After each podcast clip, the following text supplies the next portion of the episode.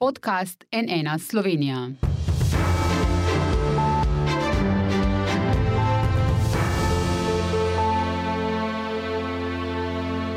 Dobar dan, to je NN studio. Včerajšnji poraz slovenskih košarkarjev na tekmi Evropskega prvenstva proti Bosni in Hercegovini nas seveda ne bi skrbel, če ne bi videli tako očitnih napetosti ob slovenski klopi. Zakaj do tega prihaja, kdo je krivec ali selektor Sekulic sploh ima ustrezno avtoriteto, kako globoke so te razpoke in kako se bodo slovenci sestavili za naslednje tekme. V Kelnu je urednik spletnega sportkluba, ki dogajanje seveda zelo podrobno spremlja, Martin Pavčnik. Pozdravljen. Lep pozdrav. Martin, po včerajšnji tekmi si že napisal tudi odlično analizo in je dal naslov prve razpoke v slovenski košarkarski složnosti. Kje so po tvoje te razpoke najbolj vidne ali so se nakazovale že kaj prej? Mislim, če govorimo o tem, da so se nakazovale, so se mogoče malo v Münchnu na tisti kvalifikacijski tekmi, Um, zdaj so pa še toliko bolj prišle do izraza. No. Sej, mislim, da si tudi samo omenil dejansko ta poraz proti Bosni in Hercegovini z vidika nekega reprezentančnega napredovanja. Absolutno ni, ni kritičen, ni usoden, uh, bolj oči bode v te stvari, no, ki si jih že, že samo omenil. Uh, zdaj, kje te razpoke, mogoče se sliši malo pompozno, ampak vseeno, več kot očitno je vidno, da imajo igravci in strokovni štab uh, mogoče malce drugačen pogled na, na način vodenja, na način priprave, na, na v končni fazi se to odraža tudi v sami komunikaciji. Uh, in to so v bistvu stvari, ki so včeraj uh, v bistvu privrele na plano. Čutile so se pa potem tudi v tej mix coni, v bistvu to območje, kjer se potekmi, srečujemo novinarje in košarkari, ko, ko so vro, glave še zelo vroče in dejansko bila tudi izrečena kakšna taka beseda, ki verjetno danes ne bi bila več. Um, in ja, dejansko se je včeraj videlo, da, da vendarle ni, ni vse tako, kot mora biti, ne, po domače povedano. Um, bomo pa videli, kaj prinaša današnji dan. Jaz sem tudi napisal, da je mogoče ravno današnji dan, čeprav ni tekmovalen, uh, skoraj da ključen za, za prihodnost uh, slovenske reprezentance na tem evropskem prvenstvu. Ja, se to je bilo ravno eno od mojih naslednjih vprašanj. Zakaj tako meniš, da je lahko ta današnji dan odločilen?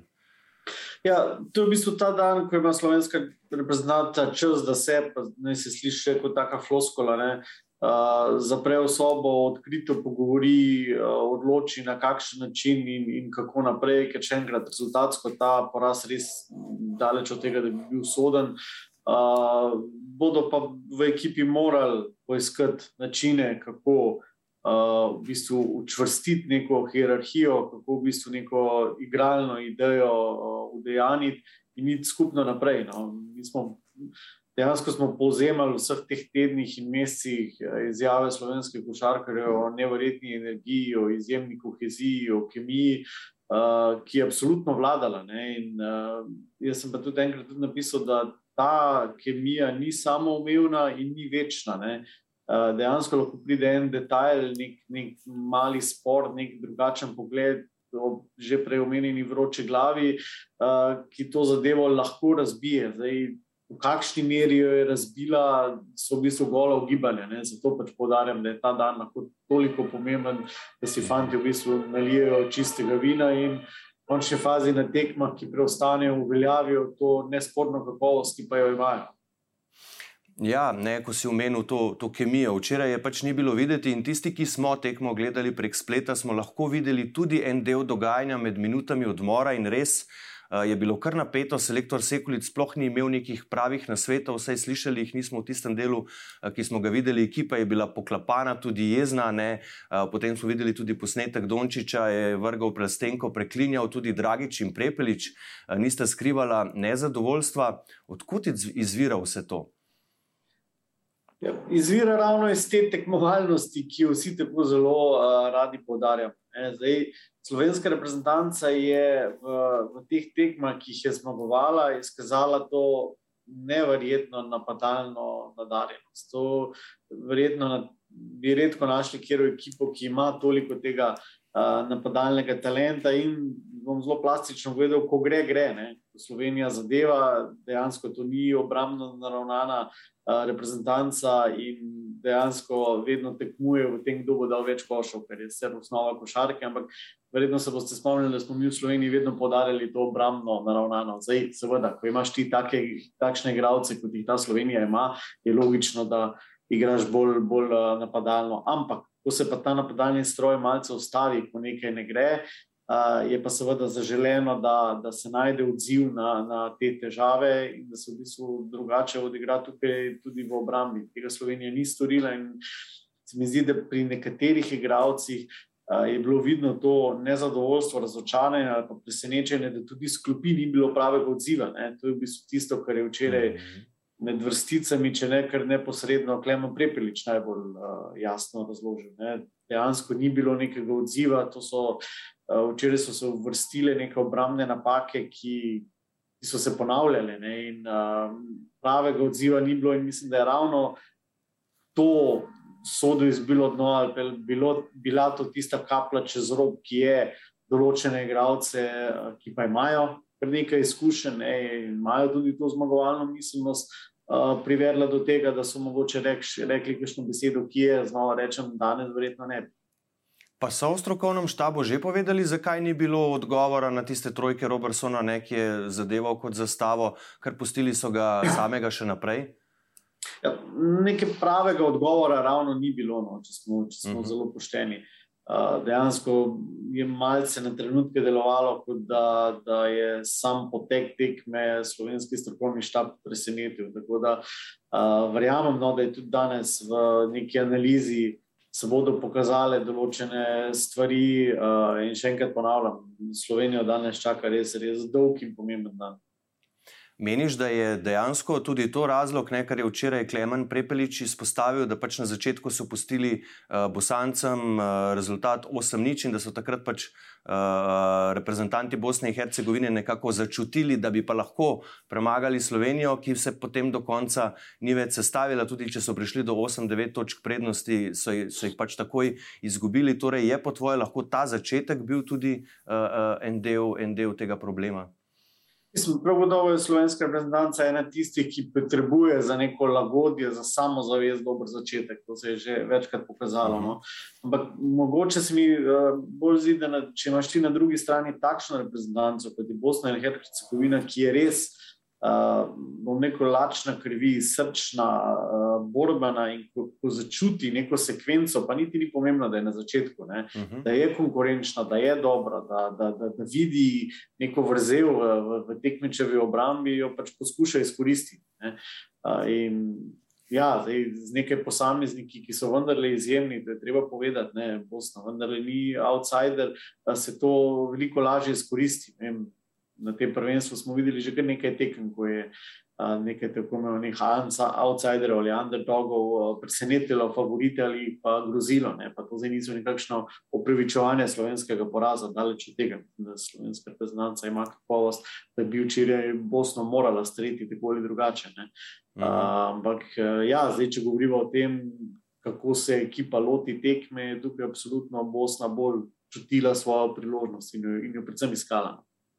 Glede na to, kar smo do zdaj videli tudi v komunikaciji in odnosih med eh, strokovnim štabom in reprezentanti, seveda tisto zoprno vprašanje, ali ima Sekolič ustrezno avtoriteto, si jo lahko zdaj sploh še povrne in kakšna je tu pri tem vloga največjih zvezdnikov v reprezentanci, torej Luke Dončiča in Gorana Dragiča.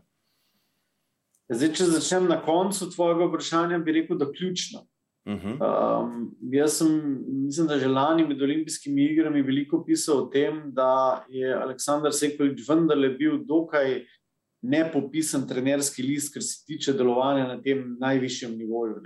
On, on je bil izjemen pomočnik, študiozen trener. Um, če pogledamo njegovo klubsko kartoteko, vidimo, da ni prav veliko tujih uh, izkušenj ali pa občutka vodenja velikih tekem. Uh, in tisto, kar je njega po spletu okoliščin, ko je postal selektor, zdaj, če samo na kratko razložim, takrat je vodstvo Košarkarske zveze iskalo velike zvezde uh, na selektorskem mestu, pa ravno zaradi COVID-a in drugih težav do tega ni prišlo. In je potem Sekulič kot nekdo, ki je bil stalno v čakalnici in se je. To je treba priznati v tistih kvalifikacijah za Evropsko prvenstvo, tudi izkazal, je dobil to zaupnico, so mu takrat, predvsem Luka Dončić in svoji igravci, s tem izkazovanjem zaupanja. Uh, dali ta pečat selektorja. Daj, tega se je Aleksandr Sekulič tudi zelo dobro zavedal. V intervjuju, ki so ga imela uh, pred tedni v Kranski gori, je ravno na to vprašanje zelo neposredno odgovoril, da njega tukaj ne bi bilo, če ga Luka Dončić ne bi imel za kredibilnega. Uh, in zdaj, če malce se ozremo v preteklost, dejansko je ta isti uh, selektor z, z, mislim, podobnim ali pa enakim uh, štabom spremljevalnim vodil Slovenijo na kvalifikacije za olimpijske igre, tam z odliko opravil svoje delo in potem tudi popeljal na, na olimpijske igre. No. Je pa absolutno res, da če pa potem te podpore največjih zvez, ki je zdaj zraven, seveda tudi Goran Dragič, z neizmerno več izkušnjami kot Luka Dončić ni, potem se absolutno ta kredibilnost in tudi avtoriteta selektorja močno, močno načenja. In a, to je absolutno težava, ki ki znova, če se vračam na današnji dan, jo bo, jo bo treba rešiti. Zdaj je torej v bistvu že jasno, Martin, ne, da bo pot do naslova bistveno teže kot leta 2017. To smo nekako eh, predvidevali že prej, ampak zdaj, ko gledamo vse to, pa seveda to, to ni več vprašanje. Ne. Ja, no, sej, mislim, da absolutno smo skozi vse te priprave um, veliko pisali, govorili, se pogovarjali o, o tem naslovu. Uh, vedno je, pa to je zdaj spet ena floskula, ne, lažje napadati kot breniti. Um, ja, z novinarskimi kolegi smo se ravno včeraj pogovarjali, kako je v bistvu Slovenija na tistem Evropskem prvenstvu 2017 rasla iz tekme v tekmo. Mm. Uh, tukaj pa, pa tega zaenkrat ni. Uh, po drugi strani pa vendarle bi znova rekel, da, da ta reprezentanca ima toliko individualne kakovosti, uh, takšno vodjo, da vendarle jaz ne bi izključil tudi nekega zasuka. Ne? Uh, ja. Ko govorimo o Evropskem prvenstvu 2017, mnogi pozabljamo, da je Slovenija v četrt finalu. V izjemno napeti tekmi premagala Latvijo. Če, tist, mm. če bi se tam kakšna žoga odbila na drugo stran, bi Slovenija ostala brez kolajne, ne bi govorili o zlati generaciji, o zlatem kapetanu in tako naprej. Uh, tako da športu se absolutno lahko uh, marsikaj hitro obrne, je pa vsekakor res, da Slovenija trenutno ni v dobri koži. Uh, da, da nastavki niso takšni, kakšni bi morali biti. Um, vprašanje pa je, da bo pa tudi treba položiti na mizo, ali bi se določene te zadeve, o katerih se zdaj le pogovarjala, dalo predvideti tudi naprej. Uh, mhm. Tu pa je potem odgovornost določenih ljudi, tudi iz vrha zveze, štaba reprezentance, um, o katerih bo treba absolutno spregovoriti. Mhm. Zdaj, uh, najtežji tekmi skupine, v bistvu šele prihajata najprej Nemčija, jutri ob pol devetih, vroča je, videli smo, kako igra Nemčija. Uh, torej, že jutri je ta popravni izpit. Je po tvoje lahko ta tekma jutri, ko jih bomo tam videli, kako bodo funkcionirali, ključna za slovensko reprezentanco in za vse tekme, ki potem sledijo? Ja, predvsem ta odziv. No. Zdaj, mislim, uh mhm. -huh. Situacija je precej podobna uh, pred uh, prvo tekmo tega Evropskega prvenstva. Takrat se je Slovenija soočila z Litvo, to je bilo nekaj dni po tistem porazu v Münchnu, v kvalifikacijah proti Nemčiji, ko je Slovenija res delovala nerazpoznavno.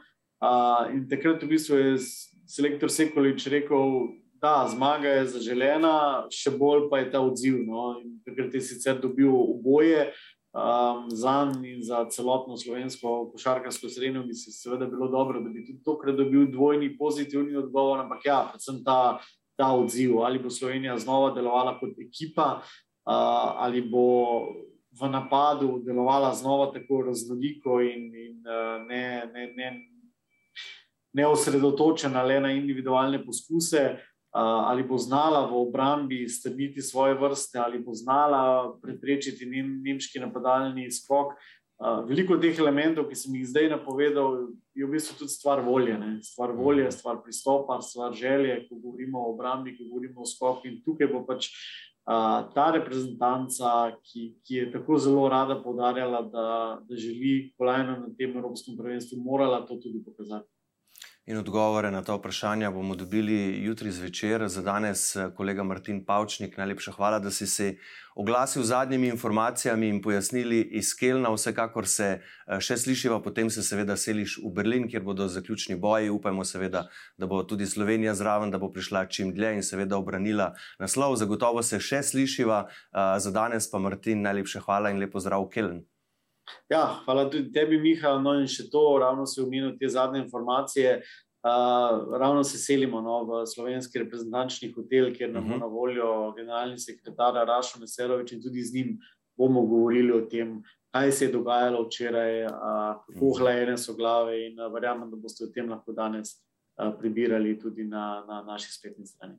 Absolutno, torej vsi vabljeni na spletno stran Sportkluba, kjer bodo vse zadnje informacije. Martin, hvala še enkrat in lepo zdrav v Kelen. Vam pa tudi hvala lepa za pozornost. Seveda, če želite zadnje informacije, kar se tiče Eurobasketa, je pravi naslov tako sportklub.si, kot tudi seveda nna info.si. Studija pa le še lepo zdrav in nasvidenje.